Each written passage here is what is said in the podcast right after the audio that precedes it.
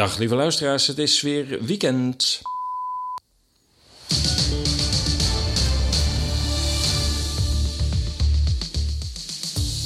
Dag lieve luisteraars, het is inderdaad weekend en weer tijd voor Radio Moddergat, de vrijdag podcast radio van ezas.nl.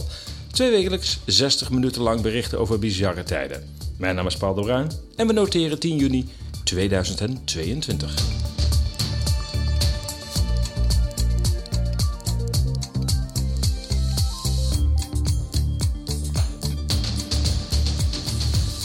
In deze uitzending de volgende onderwerpen. Hoe goed is klimaatpaus Frans Timmermans eigenlijk geïnformeerd?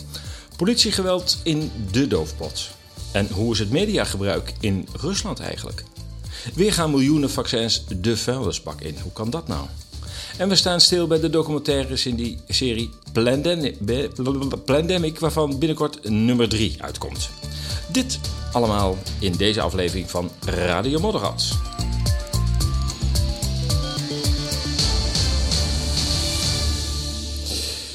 Ja, klimaatpaus. Timmermans was ruim tien jaar geleden al in paniek over de klimaatverandering. EU tweede man en klimaatfanaat Frans Timmermans kreeg op 14 januari 2022 kreeg hij een eredirectoraat aan de Technische Universiteit Delft. Je vraagt je af, hoe kan dat?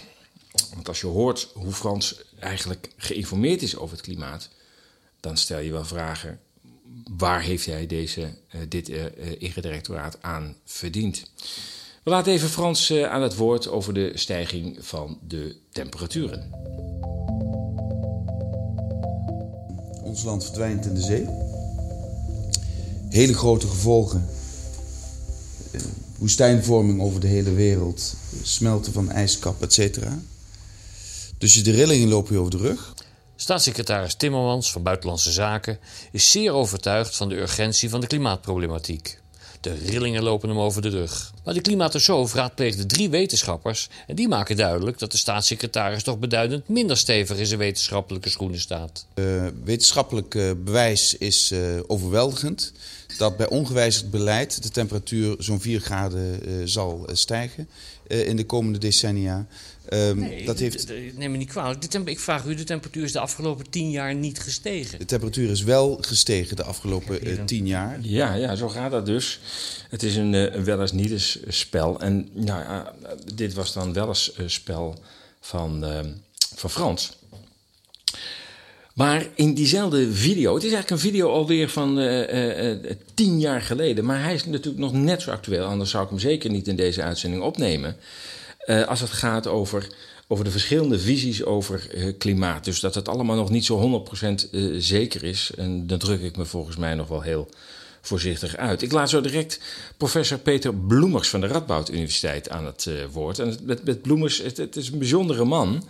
Want hij is nou niet bepaald bang om tegen het overheidsdenken in te gaan. In 2008 schreef hij eigenlijk al, en ik citeer...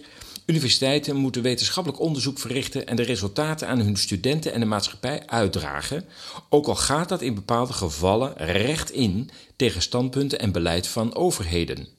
Zij moeten onder alle omstandigheden kritisch blijven en nooit de gemakkelijke weg kiezen door gedachteloos uitgangspunten van subsidiegevers, inclusief ministeries en semi-overheidsinstellingen, over te nemen. Einde citaat. Ik zou zeggen, uh, hoe actueel kan dit zijn? Dit is, dit is ook meteen, want we hebben het nu even over klimaat, maar we kunnen nog een paar andere onderwerpen uh, nemen. Ik uh, noem een willekeurig voorbeeld, COVID. Daar in de wetenschap op dat punt dus ongelooflijk heeft gefaald. En ehm, ja, de wetenschap bestaat natuurlijk niet, want een deel van de wetenschap heeft niet gefaald. En heeft wel degelijk naar buiten gebracht dat er iets toch niet helemaal in orde is met de perceptie van COVID en uh, de vaccins en de PCR-test en nou ja, wat eigenlijk niet. Uh, maar het grote deel heeft zich toch uh, behoorlijk geschikt naar het officiële narratief. Ehm, maar Bloemers is daar dus niet bang voor geweest. En dan kun je ook verwachten dat ten aanzien van het klimaat ook daar hij geen blad aan de, ehm, voor de mond neemt. Waar haalt Timmerman en Hemelsman vandaan dat de temperatuur nog steeds aan het stijgen is? Het ging omhoog tot, een, tot 1998 of zo en nu vlakt het af. Dus dat is, een, dat is een hele opmerkelijke ontwikkeling, omdat het CO2-niveau in de atmosfeer wel gewoon door blijft stijgen. Dus een causaal verband, daar moet je ook wel een vraagteken bij zetten. Ja, misschien valt het jullie ook op, maar uh, het zijn eigenlijk allemaal gepensioneerde wetenschappers hè, die aan, uh, aan het woord zijn. dat, dat, dat zag je voor groot deel ook ehm, bij COVID. En um, ja, dat heeft wel een bepaalde reden, uiteraard. Dat um, mensen die onafhankelijk zijn, financieel onafhankelijk zijn van een organisatie, en dat ben je na pensionering dat die zich pas durven uit te spreken. En dat geeft aan hoe verstikkend, verstikkend de, de censuur is, de druk is op wetenschappers om hun mond te houden over een alternatieve kijk op bepaalde thema's zoals klimaat en COVID. Ze kunnen dus in dienstverband zich nauwelijks permitteren om zich uit te spreken. En, het, en, en de lijst met wetenschappers die in de afgelopen twee jaar uh, dienstverband is ontslagen of andere sancties heeft moeten ondergaan, omdat ze zich uitspraken vanuit wetenschappelijke criteria over het COVID-narratief, maar ook over het klimaatnarratief. Ja, die lijst is lang en die wordt langer, want we krijgen nou weer de hele klimaatstorm over ons heen. En ook daar zullen wetenschappers weer proberen om uh, de publiciteit te zoeken. Maar als ze in dienst zijn, hebben ze daarmee een heel groot uh, probleem. We gaan nog even terug naar Bloemers. Um, want die heeft zo ook zijn mening over Al Gore. Gore die maakt ook dergelijke opmerkingen. Die zegt dat uh, de klimaatceptici feestjes vieren met uh, mensen die geloven dat de aarde plat is. Nou ja, het is eigenlijk een belediging. Als je kijkt wie, uh, wie allemaal zich hier serieus in verdiept, dan kun je dat niet op deze manier afdoen.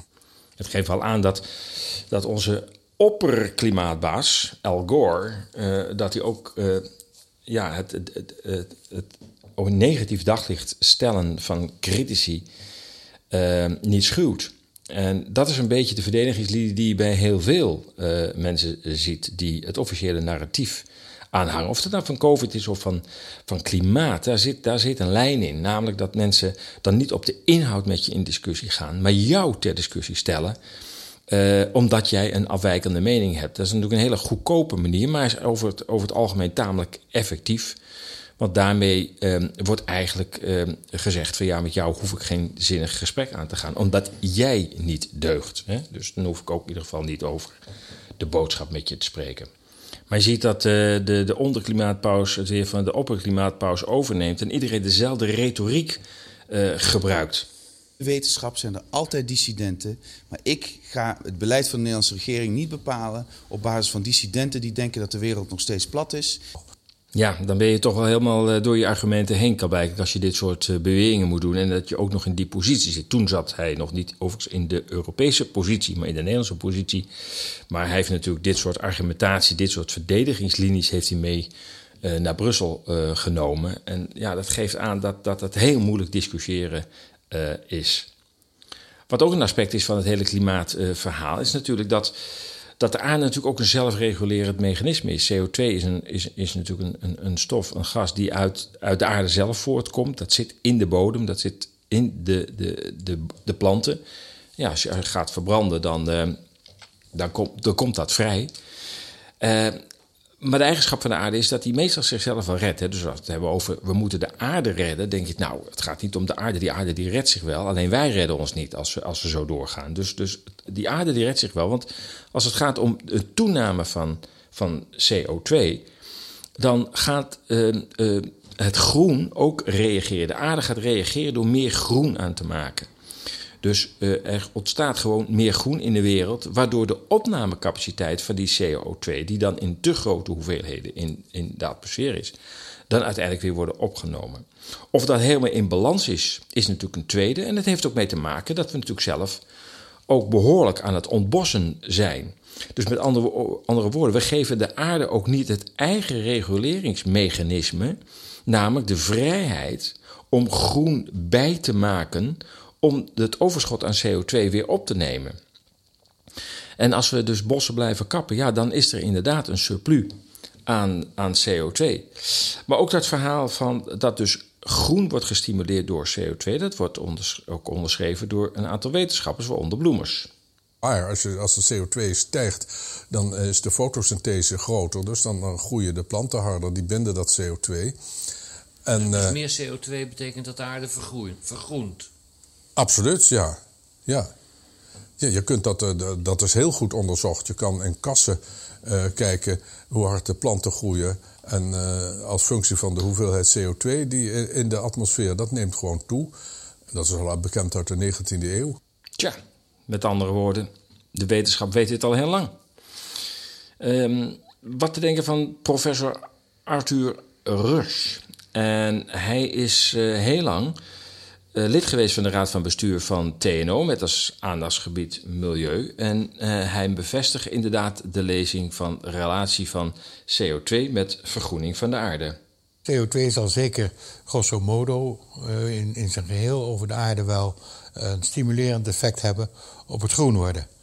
En we weten dat de CO2-concentratie zeg maar, de laatste 30, 40 jaar behoorlijk is toegenomen. Uh, maar de satellieten hebben ook waargenomen dat het groene oppervlak ook is toegenomen. Ja, nou ja, kijk, uh, ik, ik, wil met deze uh, compilatie van uitlatingen van een aantal wetenschappers natuurlijk niet beweren dat we niks moeten doen.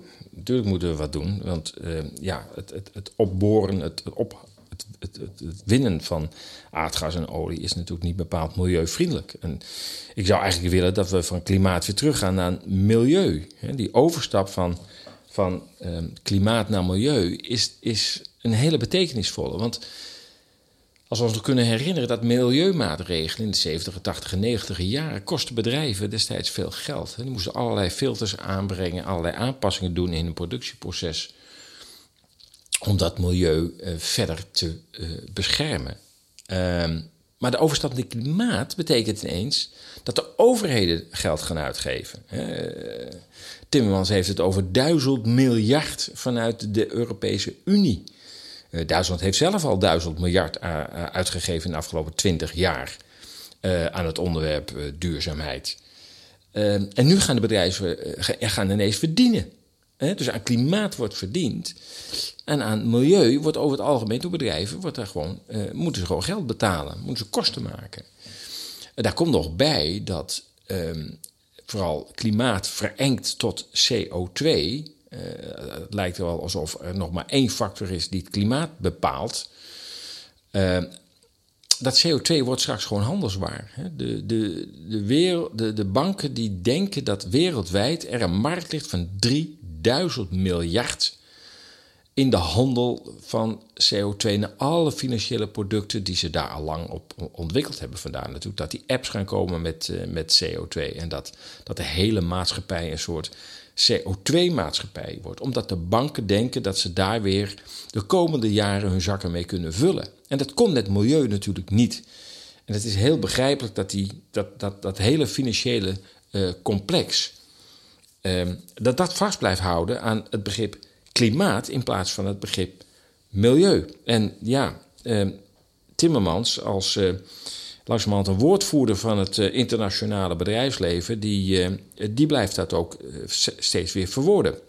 Wat mij uh, zo opvalt, is dat u voortdurend, hè, als je nou dus twee stapels à la, Pechtel, twee stapels van wetenschappelijk onderzoek zou kunnen maken. Dan heb je een stapel van de bodem tot aan het plafond die mij gelijk geeft. En dan heb je zo'n dun mapje die uw stelling uh, gelijk heeft. En dan ben ik toch geneigd om die hele grote stapel te volgen en niet dat dunne mapje. Uh, hij heeft ook in Nijmegen gestudeerd. En alle studenten in Nijmegen krijgen filosofie. Uh, die leren dus wanneer iets wetenschappelijk bewezen is en wanneer iets niet wetenschappelijk bewezen is. En een wetenschappelijk bewijs bestaat niet uit een enorme voorraad papier die afgemeten wordt tegen een andere voorraad die het tegendeel bewijst. Het gaat natuurlijk om de harde wetenschappelijke feiten. En, uh, en, en, niet om, om de uh, meeste stemmen of iets dergelijks. Dat is nou juist het verschil tussen democratie en uh, wetenschap. Dat was weer professor Bloemers.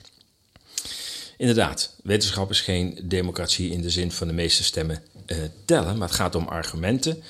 En goede wetenschap laat altijd ruimte voor een beetje twijfel. Altijd ruimte voor verdieping, voor vervolgonderzoek, voor debat. En als we iets de afgelopen jaren hebben gezien, dat, dat was ook al voor de komst van COVID, maar het is tijdens COVID uh, uh, geëxplodeerd. Dat, dat wetenschap gewoon geen discussie meer toelaat.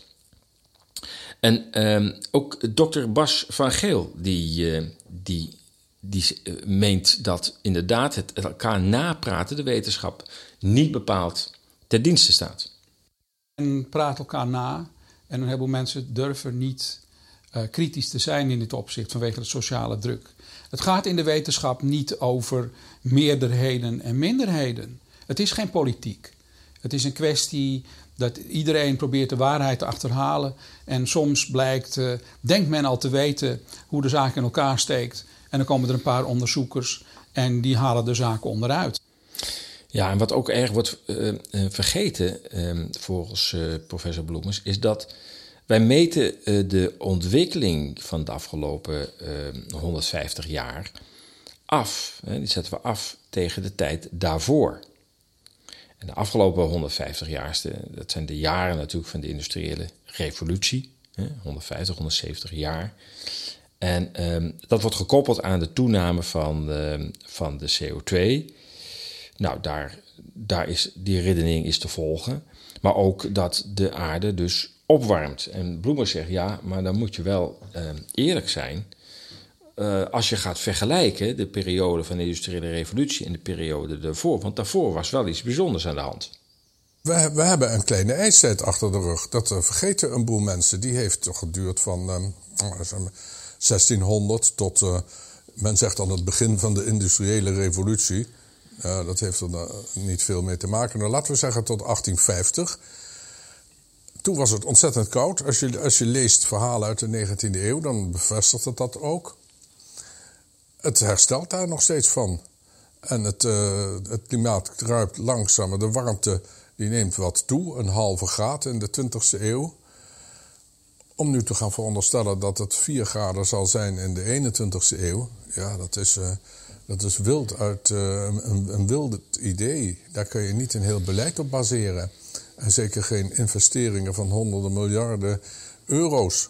Ja, we praten zelfs over duizend miljard als het aan de Europese Unie uh, ligt. En daarom moet Nederland nu ook 60 miljard op zijn begroting vrijmaken om daaraan bij te dragen. Nou ja, dat geld hebben we natuurlijk niet. Geld moet geleend worden. Dat gaat op de zogenaamde kapitaalmarkt. En die kapitaalmarkt, daar zitten uiteindelijk ook weer de grote investeerders achter. We noemen dan elke keer weer BlackRock en State Street, uh, Vanguard en nou, er zijn er nog wel een aantal meer, maar die zijn wel de grootste ter wereld. Ja, en dat snijdt voor hen natuurlijk het mes aan twee kanten. Ik bedoel, ze lenen geld aan al die overheden. Daar wordt rente op betaald, ook al is dat natuurlijk op dit moment uh, laag.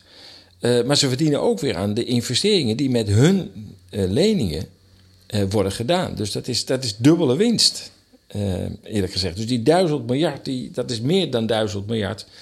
Want het is zowel een lening met rente als rendement op de investeringen die, die komen. Ik sluit dit item af met een citaat nog van, van dokter Bas van Geel over ja, de geïnformeerdheid van onze leiders. Het is bijna lachwekkend eigenlijk en ook weer triest dat iemand in zo'n belangrijke functie zo slecht geïnformeerd is.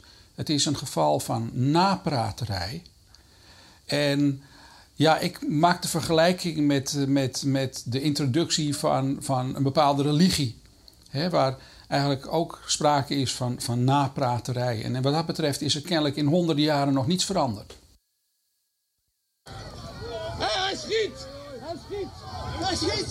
Hij heeft geschoten! We hebben de vrijheid om hier te staan, om te demonstreren. Als ze zeggen dat het niet mag, in de grondwet staat dat het wel mag. En dan doen we dat ook. En als zij zeggen dat wij weg moeten, blijven wij gewoon zitten. Kort na het overleg van de demonstranten en de politie gaat het mis. Vooral dit incident wekt veel verontwaardiging. Een vrouw wordt door een agent in Burger tegen een politiebus geduwd. De burgemeester en de veiligheidsdriehoek heeft aangegeven dat, uh, dat ze toch uh, gaan vegen. En dat ze het er niet mee eens zijn, ook niet voor die 10 minuten. En uh, ja, weet je, uh, het plein uh, of het veld moet leeg volgens de burgemeester. Dik 10 minuten duren de ongeregeldheden en dan gaan ook de demonstranten die er nog zitten weg. De demonstranten vinden dat de ME veel te hard heeft opgetreden. De politie wilde vanavond niet voor camera reageren, maar laat wel weten dat het voor de bus gooien van de demonstrant, u zag het zojuist in de reportage, niet de bedoeling was. De burgemeester van Den Haag wilde helemaal niet reageren. Het viel me op dat er heel veel geweld uh, gebruikt is. En ik ben heel nieuwsgierig welke geweldsinstructies uh, de burgemeester, burgemeester van Zanen, gegeven heeft. De beelden die ik gezien heb op social media, ja, die zagen er vreedzaam uit, zelfs gezellig uit. En zeker ook het feit dat mensen naar huis wilden gaan en dat er vlak voor het einde van de demonstratie is uh, ingegrepen en het Malieveld is schoongeveegd. Daar wil ik helderheid over hebben. Waarom heeft hij nou vastgehouden aan die 200 mensen, terwijl het Malieveld tienduizenden mensen kan herbergen? Daar hoop ik morgen meer duidelijkheid over te krijgen. Ja, politiecommentaar. Ja, dat voor de bus gooien, dat was. Uh, nee, nee, dat was niet helemaal de bedoeling. Nee, nee, nee. Ja. Ja, we hebben, we hebben de Nederlandse staat en haar diensten, ministeries, maar ook uitvoerende diensten als BOA's en. Uh, en politie toch tijdens coronatijd op een gruwelijke manier leren kennen. En je ziet hoe snel een democratische staat kan afglijden, want dat is toch wel een vorm van afglijden. Anders kun je toch ook niet noemen dat, dat tijdens corona uh, uh, ja, zulke extreme maatregelen zijn genomen om demonstraties te verbieden. En dat, dat is ook wereldwijd geweest. Wereldwijd mocht er best gedemonstreerd worden als het maar niet tegen de coronamaatregelen was. En natuurlijk was daar het verhaal van ja, besmetting. Nou, dat, laten we eerlijk zijn, dat is natuurlijk geleutig van de, van de, van de, van de, in de hoogste klasse. Uh, dat, je, dat je buiten elkaar uh, kunt besmetten als er al sprake is van besmetting. Want goed, je kunt toch wel wetenschappelijk nog wel weer verder gaan over dit onderwerp. Maar laten we het even hierbij laten. Dat in ieder geval buiten die besmetting gewoon uitgesloten is. En je zag ook dat in verschillende steden werd er wel gedemonstreerd voor Black Lives Matter. In, in, in, in, in Berlijn werd de Christopher Street Parade uh, georganiseerd. 70.000 mensen die daar vrolijk om elkaars nek hingen op een prachtige zonnige dag in Berlijn. En een week daarvoor was de demonstratie tegen coronamaatregelen was, verboden. Want ja, de, ja, besmettingsgevaar. Maar blijkelijk bij de Homo Parade, want dat is het in feite natuurlijk, daar, nee, daar was, daar was geen kans op besmetting. Ja, kijk, en dat verbaast me toch wel van ja, ook op dit punt moet er bijna een wereldwijde geweldsinstructie zijn geweest. Dat, dat politiekorpsen uh, uh, wereldwijd een onderscheid zouden gaan maken tussen demonstraties tegen de coronamaatregelen en demonstraties voor andere doeleinden. Want die laatste konden bijna in alle landen ongehinderd doorgang vinden. Ook in Dordrecht kan ik me herinneren dat het, het, het ene weekend uh, demonstraties tegen corona werden verboden. En het weekend erop was er een demonstratie voor wat anders. En uh, ja, dat mocht, dat mocht allemaal weer wel. En ja, dan denk ik van het lijkt wel alsof ja, dat corona, dat dat, dat nou ja, laten we daar hebben we het vaker over gehad van. Dat, dat gaat niet over corona, dat gaat over een nieuwe wereldorde. Dat gaat toch over een soort power grab van een aantal uh, grote internationale instellingen. Uh, en die hebben blijkelijk aangegeven van tegen de nieuwe wereldorde, of hoe je het ook noemt, mag niet gedemonstreerd worden. Dat zal altijd de kop ingedrukt moeten worden. Ehm, anders kan ik het niet verklaren. Er moet een veel hoger belang en een groter belang zijn, een internationaal belang. Waarom wereldwijd al die demonstraties tegen corona zo door de overheid, dus door de politie, uit elkaar werd geslagen. De, de, gewoon, er was gewoon sprake vanwege de politie van crimineel gedrag. Er is gewoon excessief geweld uh, gebruikt. Nou, wie daarover gerapporteerd uh, heeft, was de Verenigde Naties in de persoon van rapporteur Niels Meltzer. Um, die heeft ook gerapporteerd in, uh, in Berlijn. Daar is iemand zelfs door politiegeweld overleden. Um, maar ook in Nederland heeft hij geconstateerd. Volgens mij kan hij dat wereldwijd uh, hebben geconstateerd, ook in Australië en Nieuw-Zeeland. Dat, uh, dat de politie excessief geweld heeft gebruikt. En zich meer als een soort pseudo-legermacht tegenover de burgerbevolking heeft opgesteld. dan als een politiemacht die eh, eh, betaald wordt om de democratie en onze staatsorde eh, eh, te beschermen. Maar goed. ehm, ja, Niels eh Meltzer, Niels Meltzer heeft eh, een, eh, rapport eh, ehm, opgesteld en dat aan de Nederlandse overheid eh, eh, gestuurd. Overigens is Niels Meltzer van zijn functie afgehaald. Want ja, het kan natuurlijk niet de bedoeling zijn dat je... En dan zie je weer dat... Meltzer heeft natuurlijk al jarenlang gerapporteerd over, over martelingen, over, over, over geweld eh, van, vanuit de overheden. Maar dat ging over andere onderwerpen. Maar dan gaat het over corona en dan wordt hij van zijn functie afgehaald. Blijkelijk is corona dus ook synoniem voor. We gaan deze wereld eh, eh, op een andere manier in elkaar zetten. En iedereen die zich daartegen verzet, die zullen we aanpakken. En ehm, ik geloof dat ik misschien dat ik het straks nog even kan opzoeken. Een clip van eh, Sarkozy, president Sarkozy, destijds van Frankrijk. En die dat volgens mij in 2014 of 2016 ook al aankondigde. We gaan naar een nieuwe tijd, naar een nieuwe wereldorde. En iedereen die ons in de weg staat, zal ons eh, op zijn pad vinden. We zullen niet accepteren dat dat niet doorgaat. Vier jaar voordat eh, de corona-wereldorde, laat ik het zo maar noemen, uitbrak of van start ging, waren er dus al regeringsleiders op de hoogte van we gaan in 2020 de boel op zijn kop zetten. En wie degene die de moed heeft om dat aan de orde te stellen. Nou, dat heeft Niel- Niels Melser ook gemerkt. Ehm, en die is dus eh, naar een, een andere, minder betekenisvolle baan eh, gepromoveerd. Maar toch even zijn, eh, zijn eh, rapport. Die kun je overigens eh, vinden op, op viruswaarheid.nl. Die hebben dat gepubliceerd, Viruswaarheid.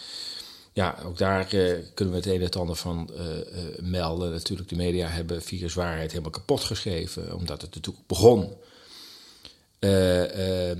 met virus. Ik weet niet meer hoe dat. Viruswaanzin heette het volgens mij. Dat ben ik alweer een beetje kwijt. Maar in ieder geval, dat, ja, dat was al een beetje commentatief. de boel op, op, eh, op scherp zetten. Maar goed, het heet nu viruswaarheid. En eh, ja, probeert door middel van, van rechtszaken, dus met andere woorden, strijdmiddelen binnen de rechtsorde. eh, probeert zij zaken aan de, aan de orde te stellen. En eh, dat doen ze met een team van advocaten. En dat is heel gedegen werk wat daar eh, gebeurt. En ik wil daar zeker toch eens weer een pleidooi voor houden om daar toch eens met andere ogen naar te kijken. Ga eens naar die website viruswaarheid.nl. Kijk eens naar rechtszaken die zij voeren. En kijk eens hoe gedegen dat wordt eh, voorbereid. En het is een schande dat dat elke keer maar weer in een kwaad daglicht wordt gesteld. Het zijn mensen die binnen de rechtsorde blijven. eh, en kritiek uiten. En dat is waar democratie voor staat: om binnen de rechtsorde kritiek te uiten. Eh, dat is precies wat zij doen. En, en toch worden ze elke keer weer publicitair aangepakt. Wat ik zeg, corona is een onderwerp apart. Dus mensen die zich stil hebben gehouden rondom corona, maar op andere fronten kritiek hebben geuit, die zullen zeggen: ja, hoe, waar, waar heb je het over? Hoezo dictatuur? Hoezo censuur? Ik merk helemaal niks. Nee, dat klopt inderdaad als het over andere onderwerpen gaat. Dan kun je nog aardig, eh, aardig je gang gaan. Nou ja, er is een tweede onderwerp bijgekomen, dat heet Oekraïne. Ja, nou, nou, dat is een tweede olifant in de Kamer en dat is een tweede censuuronderwerp. Dus het aantal onderwerpen breidt gewoon stap voor stap eh, eh, uit. Nou, als je dan ook niks over Oekraïne te melden hebt eh, en, en je Oekraïne-vlag netjes aan de gevel hebt hangen, dan, dan zul je ook daar de censuur weer niet merken. Ehm, eh, en als je demonstreert voor, voor het klimaat en voor Black Lives Matter en voor gender en nou ja, wat al niet meer zei, ja, dan merk je de censuur niet. Nee, lijkt wel of de overheid eh, jezelf helpt bij die demonstratie. Ja, nou ja, zo zit op dit moment de wereld in elkaar. En we zullen ervoor moeten strijden dat we weer gewoon de volledige vrijheid terugkrijgen. En Dat is gewoon vrijheid van meningsuiting zoals dat in de grondwet is eh, bedoeld. Ik haal even een paar citaten uit het Engelstalige rapport van Niels Meltzer eh, naar voren. Hij zegt onder andere, ja, de indruk is toch dat, eh, ehm, dat het gedrag van de, de politie in, in, in Nederland, eh, dat reactie daarop, dat, dat wordt gezegd dat dat toch professioneel gedrag is geweest van de politie. En dat eh, een, een, een, een, eh, een disciplinair onderzoek eigenlijk helemaal niet nodig is. Ja, dat is natuurlijk onvoorstelbaar. Dus, dus uh, iemand met een, met een enorme krachtige waterspuit. Het is geen waterpistool, hè. er zit een kracht achter. Het is als een kanon. Waarbij iemand tegen de muur wordt aangesmeten en een schedelbasisfractuur uh, oploopt. Of uh, iemand die al zeg maar onder controle is, waar de hond nog een keer op los wordt gelaten. Of een ander geval waarbij iemand gewoon voor de, voor de politiebus wordt gegooid. dat is professioneel gedrag. Ja, als je dat als politiecommissaris zegt, dan ben je wel diep gezonken, denk ik. Dan ben je toch een beetje van het padje af, denk ik. Um, ja, ondanks uh, uh, heel veel klachten rondom juist die situatie waarbij die man die al eigenlijk onder controle was, hè, dat is dat de politieinstructie is: je moet iemand onder controle zien te krijgen. En liefst zonder geweld. En, en, soms is er selectieve geweldstoepassing toegestaan. Maar tot het moment dat de persoon onder controle is. Nou ja, we hebben gezien dat in het geval van die meneer die door de hond werd gebeten. Die man was al onder controle, want je ziet dat. En dat zie je ook wereldwijd. Als je beelden ziet, of je het nou uit Australië of Nieuw-Zeeland ziet, of uit Duitsland, of uit Frankrijk, of uit Nederland. Ze duiken tegenwoordig met zes man op iemand. Wat natuurlijk ongelooflijke flauwekul is. Ik bedoel, het zijn geen topcriminelen, het zijn demonstranten. Die met een bloemetje daar op het veld staan. En dan duik je met zes man op denk ik, nou, heb je nou zo'n slechte uh, training gehad dat je dat niet met twee man aan kan? Of drie man hooguit? Nee, dan heb je zes man, duik je er bovenop en dan zie je dat de knieën in de maag gaan en afschuwelijk. Nou, ondanks dat, dat uh, rondom de, het incident met die hond uh, 373 klachten zijn ingediend, zie ik. Ja, 142 criminele klachten. Ik weet niet precies, criminal complaints en de andere zijn applications. Nou, in ieder geval, er is zo'n 500 keer melding gemaakt van dat incident. Ehm, is er door de politie nog weinig op uitgedaan. moreover, to date, dat was maart, no trial appears to have been scheduled. Oftewel, de politie doet daar niets op uit. Um, hij heeft het ook nog over het, uh, het incident in Den Haag op uh, eh, 14 maart. Maar komt ook over uh, te spreken over incident in Amsterdam op 2 januari. En hij zegt: ja, de video laat heel duidelijk zien dat de persoon in kwestie al lang zijn verzet had opgegeven. Voor zover hij zich überhaupt had verzet. Het zijn vreedzame demonstranten, het zijn geen ruilschoppers. Uh, en dan toch nog weer die, die, die hond erop loslaten. Waarbij de politie zich verweert door te zeggen: ja, maar die, die, die, die demonstrant die pakte de oren van de hond. Ja, dat kan niet. En ja, daarvan zegt Meltzer: maar ja, moet je horen. Als jij al helemaal op de grond ligt, je voelt je, voelt je al machteloos. Er, zit, er lopen zes agenten om je heen. Uh, die ook op je in uh, duwen, of misschien nog wel harder dan dat. En er wordt een hond op je losgelaten. Ja, natuurlijk probeer je te verdedigen en probeer die hond van je af te mikken. En ja, toevallig heeft hij dan uh, die hond bij die oren gepakt. En dat wordt dan als uh, onwettige uh, weerstand, onwettig verzet wordt dat getypeerd. Nou, je moet het rapport maar eens doorlezen. Ik heb de link, nogmaals, hij staat op viruswaarheid, maar ik heb de directe link heb ik, in de nieuwsbrief staan. Dus als je dat nog eens uh, wil doorlezen, dan uh, moet je dat zeker doen. Uh, ja, het heeft mij wel, uh, niet alleen dit rapport, maar sowieso de afgelopen twee jaren. Ehm, ja, toch wel een diepe teleurstelling opgeleverd in, in, in ja, de kracht en de weerbaarheid van een democratie ik weet ook wel, het, het, is niet alleen die twee jaar geweest. Er was natuurlijk in de aanloop al het nodige te signaleren. Hè. Ik bedoel, het, het, was al niet zo denderend meer. Al die geitenpaardjes van Rutte, waarbij die gewoon de democratie omzeilde. De, de toeslagenaffaire. Uh, uh, ga zomaar door. De, de schandalen kleven aan deze man. En, onder leiding van deze man is, vind ik, de rechtsstaat in Nederland heel erg afgegleden. En ik begrijp echt niet, echt niet waarom deze man nog zo populair is. Is dat eigenlijk zo? Ik weet het niet. Ik hoor nog steeds mensen met respect over Rutte spreken en dan mij als argumenten, eh, eh, uh, argument voorwerpen van. Nou, ga jij er maar eens voor staan hoor. Ga jij er maar eens voor staan. Dat is toch een hele verantwoordelijkheid. Ja, oké. Dit is Radio Moddergat, wereldwijd te beluisteren via SoundCloud, Apple Podcasts, TuneIn en Spotify. We gaan naar, uh, naar Rusland. Jawel, dat is ook zo'n onderwerp waar we het niet over mogen hebben. Althans, niet in de context waarin ik het denk ik nu uh, presenteer. In, uh, in, Rusland is het Levada-centrum actief. Het is in Rusland gevestigd. Maar um, het is opgenomen in het zogenaamde register van niet-commerciële organisaties die optreden als buitenlandse agenten.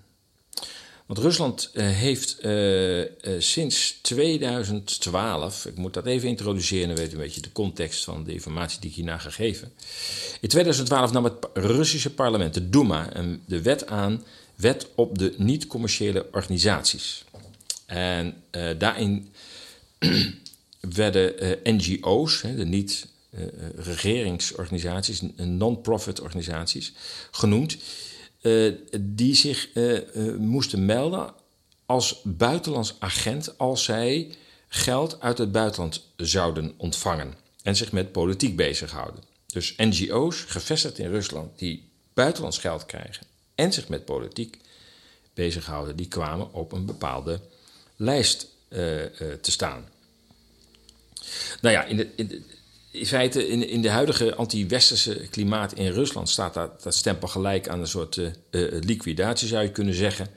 De wet is later nog aangevuld met de omschrijving dat het vormen van maatschappelijk-politieke opinies door middel van sociologische opiniepeilingen moet worden aangemerkt als een politieke activiteit.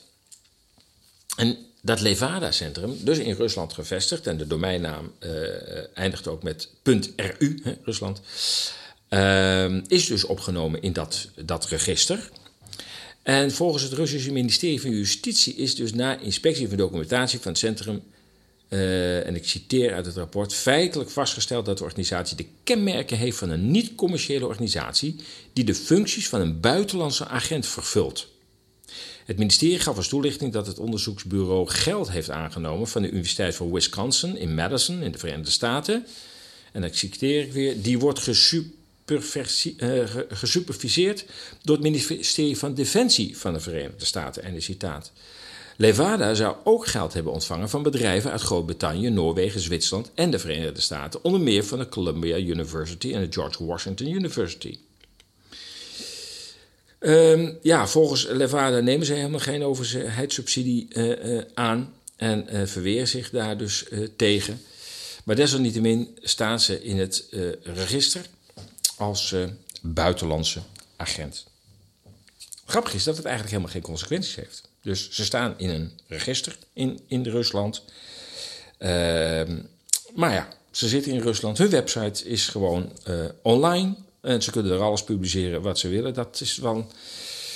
Ja, dat nuanceert het beeld wel. Hè. Ze staan dus op een verdachte lijst en vervolgens wordt hun website niet uit de lucht gehaald, wordt niet gecensureerd. En ik lees dus over het internetgebruik in, uh, in Rusland. Dat onderzoek is gehouden. Um, ik, overigens, de link naar de desbetreffende website en het onderzoek staat uiteraard in de nieuwsbrief. Hè. Die kun je niet missen als je luistert naar Radio Moddergat. Um, even kijken hoor. Dat, dat, dat onderzoek is gehouden van 21 tot 27 april 2022, dus heel recent. Uh, het is een representatieve steekproef van alle Russische stads- en plattelandsbewoners. En tussen stad en platteland zit in Rusland nogal een behoorlijk verschil. Ja, en het onderzoek is ook gehouden um, uh, ter plekke, dus bij mensen thuis. En uh, nou, dat lijkt me in Rusland nog een hele uitdaging. Uh, als je weet uh, dat Rusland van oost naar west 9000 kilometer meet, dan, dan heb je nogal wat reisuurtjes te maken. Maar goed, hoe dan ook. Um, uit het onderzoek blijkt dat televisie in Rusland nog steeds de belangrijkste bron van informatie is. Maar de populariteit ervan als belangrijkste manier om nieuws te ontvangen neemt geleidelijk af. Als informatiebron vertrouwen de, de, de, de respondenten het meest op televisie, 52 procent. Internetpublicaties 17% en sociale netwerken ook 17%. Aan het begin van de, lente, dus tegen de achtergrond van de speciale operatie, zo noemen ze dat in Rusland, maar wij noemen dat gewoon de inval in Oekraïne, en de mobilisatie van de publieke opinie, nam het vertrouwen in televisie toe. terwijl het vertrouwen in bronnen op internet afnam. En tegen eind april begon dit effect weer een beetje af te vlakken. Dus zeg maar de inval 24 februari van Rusland in Oekraïne begon. En mensen begonnen weer iets meer aan de televisie te hangen en minder te kijken naar berichten op, uh, op internet. Nou, het internetgebruik blijft in Rusland stijgen. Het is niet zo hoog als in westerse landen. Dat heeft natuurlijk te maken met dat er waarschijnlijk nog wel behoorlijk wat delen in Rusland uh, zijn, gezien de enorme uitgestrektheid waar überhaupt internet niet of nauwelijks aanwezig uh, is. Dat zal er zeker mee te maken hebben. Uh, het aandeel van de dagelijkse internetgebruikers blijft wel stijgen. 65% was dat in november 2019. Ehm, even kijken, 68% in maart 2022 en in april, dus een maand daarna, al 70%. Dus dat, dat heeft ook te maken natuurlijk met de situatie in Oekraïne. Dat de Russen natuurlijk aan de buis, of ja, ja, niet alleen de buis gekluisterd zijn, maar ook op internet naar informatie gaan zoeken van wat is er nou precies in Oekraïne aan de, aan de hand. Nou, het aandeel van, van, van de internetgebruikers, of in ieder geval de, de internetgebruikers, worden opgesplitst in, uh, uh, in, in leeftijdsgroepen. En in de groep van 18 tot 24 jaar uh, steeg het aandeel van dagelijkse internetgebruikers tot 95%. Dus je ziet, de jonge generatie uh, maakt waarschijnlijk net zo uh, veel gebruik van internet als de generaties hier in, in het Westen. In de groep van 55 jaar en ouder nam het toe tot 44 procent. Um, ja, dat is natuurlijk een stuk lager. Dat, dat ligt hier alweer aanzienlijk hoger. Ik, ik weet niet precies het percentage, maar het zal zeker 70, 80 procent zijn van de 55-plussers die hier al actief op internet is. Dat is in Rusland dus 44 procent. Maar nogmaals, dat heeft denk ik ook te maken met de uitgestrektheid. En dat de oudere generatie die op het platteland woont, uh, ja, daar niet mee uh, is opgegroeid. Um, even kijken. In de groep van 25 tot 39 jaar bleef het aandeel van de actieve gebruikers nagenoeg ongewijzigd en bedroeg 92 procent, dat is dus erg hoog. En de groep van 40 tot 54 jaar, daar daalde het internetgebruik tot 73 procent, nog relatief hoog. Ja, welke sociale netwerken worden nou eigenlijk in Rusland uh, actief gebruikt? Nou, dat is ten eerste het Facebook van Rusland, vcontacten, vk.com. Daar kun je als uh, westerling ook gewoon uh, op actief zijn. Uh, daar zitten ook nogal wat Europeanen op. Die, dus, die zitten ook wel andere talen. Maar goed, het, het Russisch domineert. Dus nou ja, je zult niet alles kunnen, kunnen volgen. Maar met 65% scoort VK, V-contacten dus erg hoog. YouTube zit daar meteen achteraan. 47% En dan Otno Klasniki, 40% Het zegt mij helemaal niets, maar dat is dus ook een social media in Rusland. Dat lijkt me dus een typisch Russisch social media kanaal. Facebook uh, en Instagram, die zijn inmiddels in Rusland verboden. En blijven dus ook gebruikers verliezen doordat uh, mensen afhaken en niet meer terugkomen. Uh, eind april van dit jaar dus gebruikte respectievelijk 21 en 5 procent van de respondenten uh, um, nog Facebook. Maar het is een beetje raar dat dat er staat. Zo staat het er wel. Maar ja, als het er niet is, dan kun je het ook natuurlijk niet gebruiken. Uh, dus dat lijkt me een beetje vreemd dat ze die netwerken gebruiken.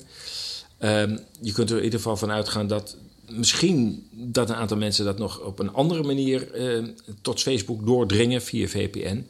En dat zou dan die lage percentages kunnen verklaren. Maar dat staat er in het onderzoek niet, uh, niet bij. Het, het, blokkeren van Facebook en Instagram uh, kan wel op enige instemming rekenen, zoals dat hier in Nederland ook zo is. Sommige mensen zeggen, ja, het is heel goed dat misinformatie wordt aangepakt. Ik denk dat misschien de percentages hier nog wel hoger liggen. Want 32% van de respondenten steunt het blokkeren van Facebook en 46%. Of nee, ik zeg het anders.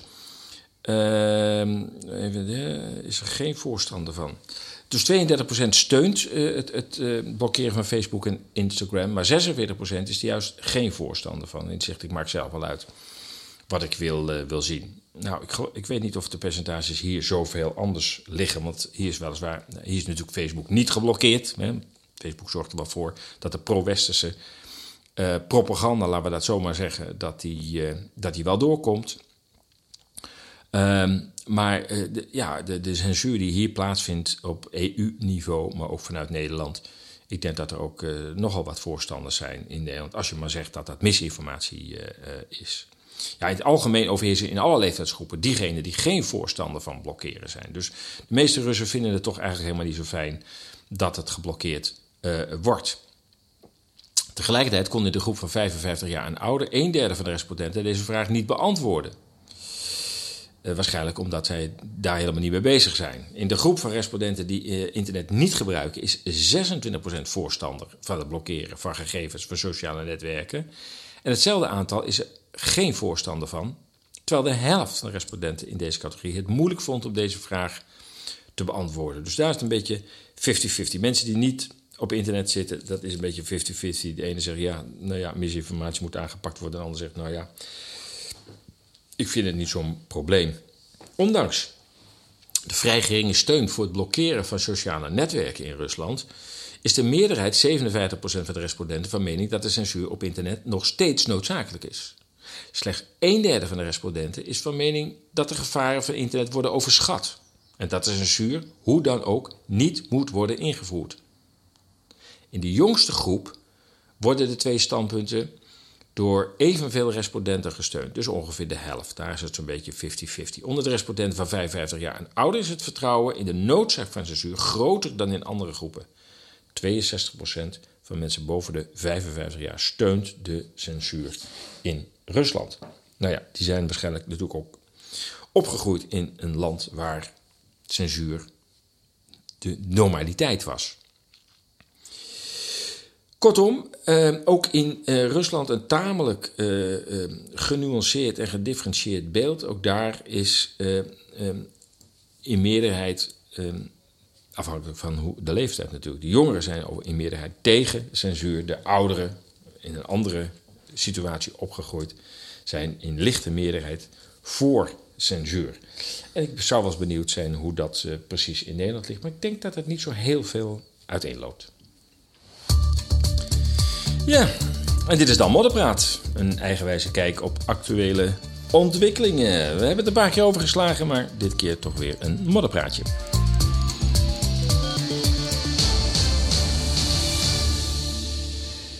En de Modderpraat eh, publiceer ik tegenwoordig in combinatie met, eh, met de podcast.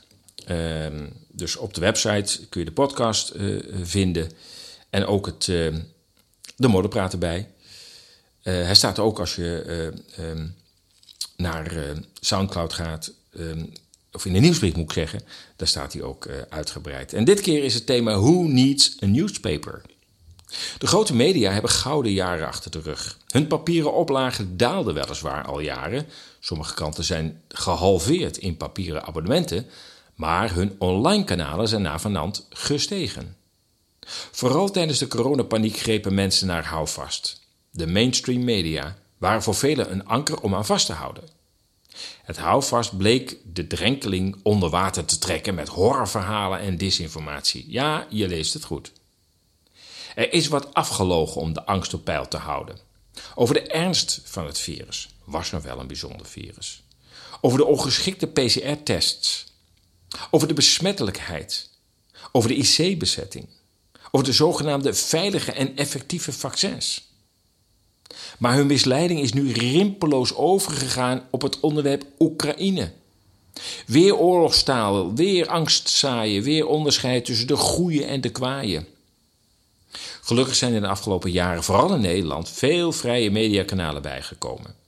Die zoeken het internet af naar verschillende bronnen. Zeker, ze zitten er ook wel eens naast, maar hun missie is de waarheid.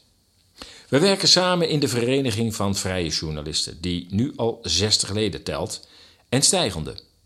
Er zijn inmiddels ook grensoverschrijdende samenwerkingen tot stand gekomen met organisaties in België en Duitsland. Want het wordt hoog tijd voor een nieuw medialandschap.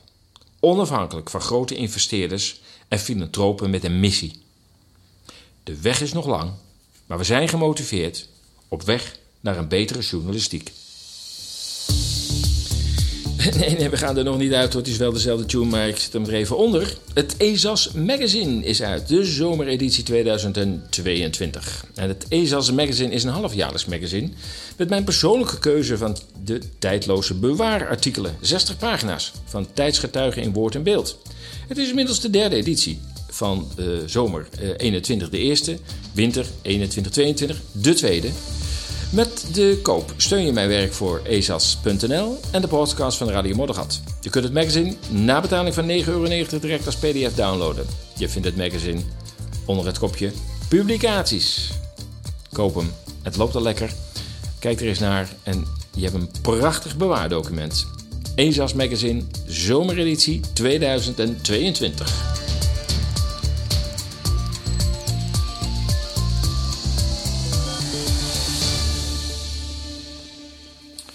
Ja, straks hoor je de melodie nog een keer. Um, strikt genomen over 10 minuten, maar misschien lopen we wat uit. Dat zou zomaar kunnen. Even wat uh, actuele nieuwsberichten. Um, bijvoorbeeld Noorwegen. Ja, ja, ja, dan hoor je niet zo heel veel van. En uh, ik hoor wel eens mensen zeggen: Nou ja, als ik, als ik ergens naartoe ga, om, om aan, deze ellende te ontsnappen, dan uh, denk je toch aan, de, aan, dat soort landen. Nou ja, Zweden hebben we het al eens een keer over gehad. Uh, daar lopen al uh, de nodige jongeren met een chip in hun hand. Dus uh, nou, is ook niet helemaal het land als je aan de digitalisering van je lijf wil ontsnappen. Maar Noorwegen kan er ook wat van. Want Noorwegen, de, het statistiekbureau van Noorwegen, heeft de SSB, Statistics Norway, heeft de supermarkten gevraagd om ehm, alle gegevens over te dragen betreffende de aankopen van hun klanten. Ja, dat is nogal wat. De Noren zijn wel wat gewend als het gaat om de invloed van de overheid. Maar de aankondiging van Statistics Norway om alle boodschappen bij te houden, doet bij veel Noorwegen toch wel de wenkbrauwen uh, fronsen. Het gaat om de Noorse supermarkten Norges Kroepen, uh, Coop, Bunpri, uh, Rema 1000. En die hebben allemaal het verzoek gehad: kom maar met je gegevens. Ehm, daar is nogal wat wat protest tegen. Ja, de, de SSB, het Statistisch Bureau, het CBF, CBS zeg maar, van Noorwegen, die zeggen ja, nee, maar we, willen, we, hebben, we hebben nu wel een, een, een, manier om dat te doen. Mensen moeten dan vrijwillig een lijstje invullen, of mogen dan vrijwillig een lijstje invullen, laat ik het zo zeggen. Maar ja, dat is allemaal zoveel werk, we willen het eigenlijk gewoon gedigitaliseerd uh, hebben. Maar je voelt hem natuurlijk al aankomen. Dit is de opmaat naar het CO2-budget. De app van de Rabobank uh, uh, doet het nog op een hele grove manier. Want ze, ze kunnen niet zien welke boodschappen je koopt. Er staat alleen maar Albert Heijn. En dan is er een bureau uh, in Londen en Berlijn. Ik ben even de naam kwijt. Die zegt dan van nou, als er voor 50 euro aan boodschappen wordt gekocht, dan zitten daar ongeveer dit soort producten in. En dan is dit de CO2-waarde. Nou, dat is nog heel grof. En de Noren lijken een stap verder te gaan en zeggen: Nou ja, dan willen we gewoon weten wat is er nou precies gekocht. En we, daar hangen we, dat staat er natuurlijk niet bij, maar dat is natuurlijk de, de nabije toekomst. Daar hangen we daar een CO2-tag aan.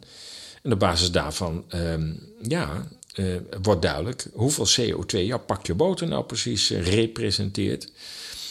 Uh, ja, de volgende stap is dat je een budget krijgt. En de stap daarna is van: je hebt nou wel genoeg boter gekocht deze week. Nu maar eens even niet. Dan maar een droge boterham.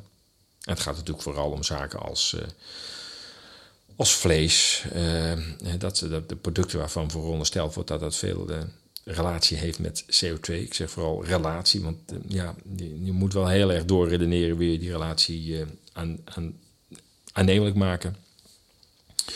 Maar goed, in ieder geval hebben de Noordjes Kroepen, dus de grootste speler in de Noordse, Noorse uh, levensmiddelen detailhandel, heeft al aangegeven daar niet zo heel veel voor te voelen. En gaat dus in, tegen besluit in beroep. En ook de co-op-woordvoerder, Harald Christiansen, heeft gezegd van ja, nou, ja, ik snap wel dat, dat het statistiekbureau de zaken wat wil stroomlijnen. Maar eh, of dit nou de manier moet zijn dat al onze klantengegevens bij jullie terechtkomen, daar zijn wij niet zo'n heel groot voorstander van. Enfin, het wordt vervolgd, maar je ziet hoe snel de zaak wordt um, uitgerold. Um, ja, sneller dan velen hadden gedacht. Um, een ander bericht is uh, de vaccins. Jawel. Want uh, het, lijkt zich te herhalen, de Mexicaanse griep uit 2009. Nou wisten velen dat al, vooral de wappies wisten dat al. En de VARA, eh, en VARA wisten het ook al, want hun reportage over de misstanden tijdens de Mexicaanse griep, rondom het angstzaaien, rondom de vaccins, rondom de bijwerkingen, die stonden begin 2020 nog online bij de, bij de website van BNN VARA. Maar in midden 2020 was de reportage verdwenen. Waarom? Omdat die reportage, nou ja, die kan nu weer herhaald worden. Alleen je moet dan de Mexicaanse griep vervangen door corona en weer het angstzaaien en weer de vaccins waarvan een groot deel gewoon de prullenbak in gaat. Weer de bijwerkingen en later de schadebetalingen. Weer de fraude op grote schaal door de um, farmaceutische industrie. Het gerommel met zogenaamde uh, uh, proeven de zaak heeft zich herhaald, alleen het is nu gewoon zoveel malen groter, het schandaal. Ja, Nederland zit met een flink overschot dus aan die coronavaccins. Vanaf deze week raken 3,5 miljoen doses over datum. Naar schatting de helft moet worden vernietigd omdat ze niet op tijd konden worden gedoneerd, heet dat. Ingespoten zouden wij het noemen. Dat meldt het AD. Alleen al Nederland zit met 11 miljoen ongebruikte vaccins in zijn maag. Ondanks de ziekmakende propagandagolven is het blijken dus niet gelukt om mensen permanent aan de inentingen te brengen. Na twee of drie inentingen vinden sommige mensen het allemaal wel genoeg. En ja, we hebben pas dus een bijeenkomst gehad van het World Economic Forum. En daar zat uh, onder andere uh, de top. Oh ja, ik moet nog even aanhalen. In 2009 viel de naam Ab Osterhaus ook heel veel. Die heeft nou ja, met veel paniek zei de staat aangespoord om veel vaccins in te kopen. Ter bedragen van 134 miljoen. bij hem ging de champagneflessen open, want hij heeft daar toch een behoorlijke fee aan overgehouden. Maar uiteindelijk ging het grootste deel van die 134 miljoen gewoon de verbrandingsoven uh, in. En toen ook uh, uh, Anthony Fauci was toen ook een belangrijke speler in het verhaal. Kortom, heel veel was toen ook al um, in de gang gezet door dezelfde hoofdrolspelers als nu weer. Alleen nu was het nog veel beter voorbereid dan, dan toen. En nu hebben ze er 250 miljard mee verdiend, de farmacie. Maar goed, Stefan Banchel uh, CEO van Moderna, zat laatst uh, op het World Economic Forum. En die heeft zijn uh, beklag gedaan over het feit dat hij in zijn maag zit met al die, al die prikken. As Seth knows, we are now throwing those into the garbage. It's, it's sad to say. I'm in the process of throwing 30 million doses into the garbage because nobody wants them. we have a big demand problem. We right now have governments. We try to contact not only is Seth is doing great work with his team trying to get demand into the countries, but also we contacted through the Washington's, in, uh, the embassies in Washington, every country, and nobody wants to take them. And so the challenge we have now is is a very different situation than we had two years ago. The problem we had two years ago is there was no mRNA capacity in the world, zero. The situation is very different today. Moderna has 3 billion doses of annual capacity. Pfizer has 4 billion doses, that's 7 billion doses, and the Chinese don't want the vaccines of mRNA.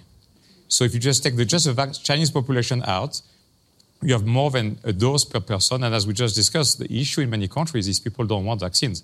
In the US, people don't want vaccines. Around the world, we have a lot of people who don't want the vaccine. That's a problem Seth and his team are working against. So we don't have a capacity issue around the planet. It is not true. It was true two years ago. It's not true today. ja, ja, ja. Overigens was dat een, uh, een video van Rebel News. Uh, gevestigd in Canada, maar ook uh, heel actief in uh, Nieuw-Zeeland en Australië. Ja, die meneer uh, Bechel die is overigens miljardair, Frans miljardair. En dat zal wat te maken hebben met het feit dat hij in de farmacie werkt, want daar kun je wel een paar stuivers verdienen. Ja, hij geeft aan, uh, ja, we zitten ermee in ons maag. Uh, we moeten 30 miljoen vaccins moeten we weggooien. Niemand is geïnteresseerd. We hebben via uh, de ambassades van heel veel landen in Washington geprobeerd om die zaak nog te slijten. Zelfs China wil ze ook niet meer hebben. En we hebben nou gigantische capaciteit om vaccins te maken en, en niemand wil ze hebben. Ja, het is een treurig verhaal. En dat is een ongelooflijk hard getroffen sector, die, eh, die farmacie, die, die amper 250 miljard verdient en, en dan toch nog met een aantal vaccins blijft zitten. Het is, uh, het is tranentrekkend, zou ik zeggen. Tja, je zou bijna een donatie doen, hè? Oké, we gaan naar Plandemic. En Plandemic is al sinds 2020 actief. Uh, in feite is dat journalist Mickey Willis die de moed heeft gehad om al vanaf het begin uh, alternatieve wetenschappelijke geluiden aan het woord te laten. En de eerste die hij interviewde was de virologe uh, Judy Mikovic. En ik, kan me die video nog herinneren en die was schokkend. Wat, zij, zij deed een boekje open over uh, wat er allemaal achter de schermen al jaren terug heeft plaatsgevonden. Waardoor dat wat we nu meemaken ook mogelijk werd gemaakt. Die video die duurde 26 minuten en die is door meer dan 1 miljard mensen bekeken. 1 miljard. Ik denk dat er geen enkel televisieprogramma is dat dat haalt. En dat is duidelijk een historisch record. Maar uh, hij heeft inmiddels nog veel meer reportages gemaakt, deze Mickey uh, Willis. Hij zegt, uh, we worden 100% gecensureerd en 0% gedebunked. Met andere woorden, ja, Ehm, we zijn onafhankelijk. Wij beweren van alles, maar het is niemand die er ook maar argumenten tegen in kan brengen dat wij onwaarheden zouden verspreiden. Ze hebben al twee pandemics uitgebracht. Ehm, de link ehm, naar de website staat in de nieuwsbrief. En ze zijn nu bezig met Pandemic 3 en die komt uh, in de loop van de zomer, dus dat is binnenkort, komt die online. En ik, ze laten een, uh, een klein stukje alvast uh, zien. En uh, ik laat daar weer een klein stukje van horen. Als het gaat om de onvoorstelbare mediacampagne die ehm, de, de vaccinatiecampagne heeft begeleid. Ik had zelf deze um, reclameuitingen uit de Verenigde Staten nog niet in deze mate gezien. En ik vind het schokkend. Ik vind het echt schokkend hoe de Amerikaanse media de burger hebben bespeeld. Build is one of the largest public education campaigns ever. President Biden's chief medical advisor says people need what he calls trusted messengers. The White House has now recruited TikTokers, YouTubers, and more. The goal convince Americans get the COVID vaccine. It's vaccination day. It's vaccination day. It's vaccination day. Today I get my COVID jab and I'm feeling really fab. For months I have been waiting for this day. R-O-N-A-V-I-R-U-S dash 19. Time to take a shot. Hey yo, it's Pfizer and BioNTech. You asked for innovation and we delivered it. Our generation's moon landing equivalent. Time to take a shot. Real life, you need to vax that thing up. Feeling freaky all night, you need to vax that thing up. If you wanna get sticky and hot, go, go, go, uh, go get the shot. Grab your syringe, but make sure you clean it. And stick it in me like you really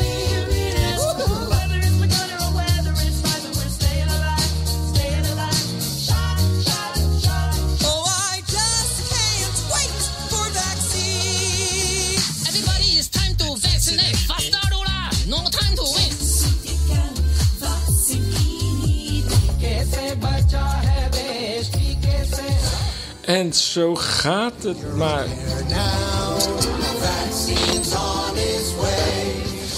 Oh, oh, oh, het gaat maar door, jongens. Ik stop, ik stop hier. Ik, kan het niet meer, ik verdraag het niet meer, eerlijk gezegd.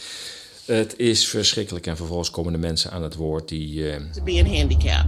Uh, which. Excuse me. I never in a million years thought I would never be able to get up and go to the bathroom. 46% of all the deaths that have happened for vaccines over the last 31 years happened in the last three months with these COVID vaccines. Ja, dan gaat uh, de trailer over uh, naar uh, de enorme aantallen slachtoffers van deze vaccinaties. De, de mensen met blijvende, ernstige schade, die hun leven niet meer op orde zullen krijgen door de vaccinatie. veel jonge mensen daaronder, mensen die door COVID niet of nauwelijks getroffen zouden worden. En als ze besmet, tussen aanhalingstekens, zouden worden, er amper ernstige gevolgen van over zouden houden. Het is een ongelofelijke misdaad eh, waar we hier tegenaan zitten te kijken. En het, het- ja, het is onverdraaglijk dat je, dat je ziet ehm, eh, hoe, hoe mensen ongelooflijk hierin zijn geluisterd. En ik, ik hoor wel eens argumenten van uit mijn omgeving die dan zeggen: ja, maar als we het niet hadden gedaan, dan waren er nog veel meer mensen gestorven aan corona. Nou, dat is inmiddels ook al gedebunked, zoals dat heet. Er zijn al de nodige wetenschappelijke rapporten die hebben gezegd: nou, dat is absoluut onzin. Nog los van de tellingen van het aantal coronadoden. Aan de ene kant, eh, de aantal coronadoden is enorm opgepompt eh, in de statistieken. Maar het aantal eh, mensen met, een, eh, met hele ernstige bijwerkingen, waarvan de dood, eh, dat is enorm naar beneden gespeeld. Eh, ja, ik, af en toe kan ik er geen woorden aan, eh, aan geven aan de verontwaardiging van wat hier eh, zich heeft afgespeeld en nog afspeelt, eerlijk gezegd.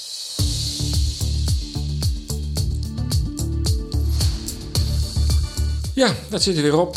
Radio Mode gaat weer eindigen een beetje, een beetje zwaar. Maar ja, goed, tijd is niet altijd even licht. Als je deze uitzending hebt gewaardeerd, bezoek dan onze donatiepagina op ezas.nl of het lid van ezas.nl. Dat kan ook. Bezoek de website. De ESAS nieuwsbrief is onmisbaar als je niets van ESAS, wilt missen. Ben je nog niet geabonneerd? Meld je dan aan via ezas.nl slash ezas-volgen. En eh, verder kun je ons ook volgen via Telegram. Hier vind je ons onder ESAS.nl. En ook zijn we te vinden op vrije social media kanalen als Rebelbase. Kijk voor meer informatie op onze website. Voor nu wens ik je een heel prettig weekend. Blijf gezond, blijf sterk. En we zien elkaar over twee weken. En daarna breekt een lange periode van zomerpauze aan, maar daar hebben we het volgende keer wel over. In ieder geval bedankt zover. Fijn weekend.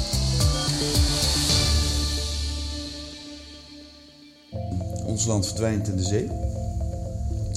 Hele grote gevolgen. Woestijnvorming over de hele wereld. Smelten van ijskap, et cetera. Dus je de rillingen lopen je over de rug.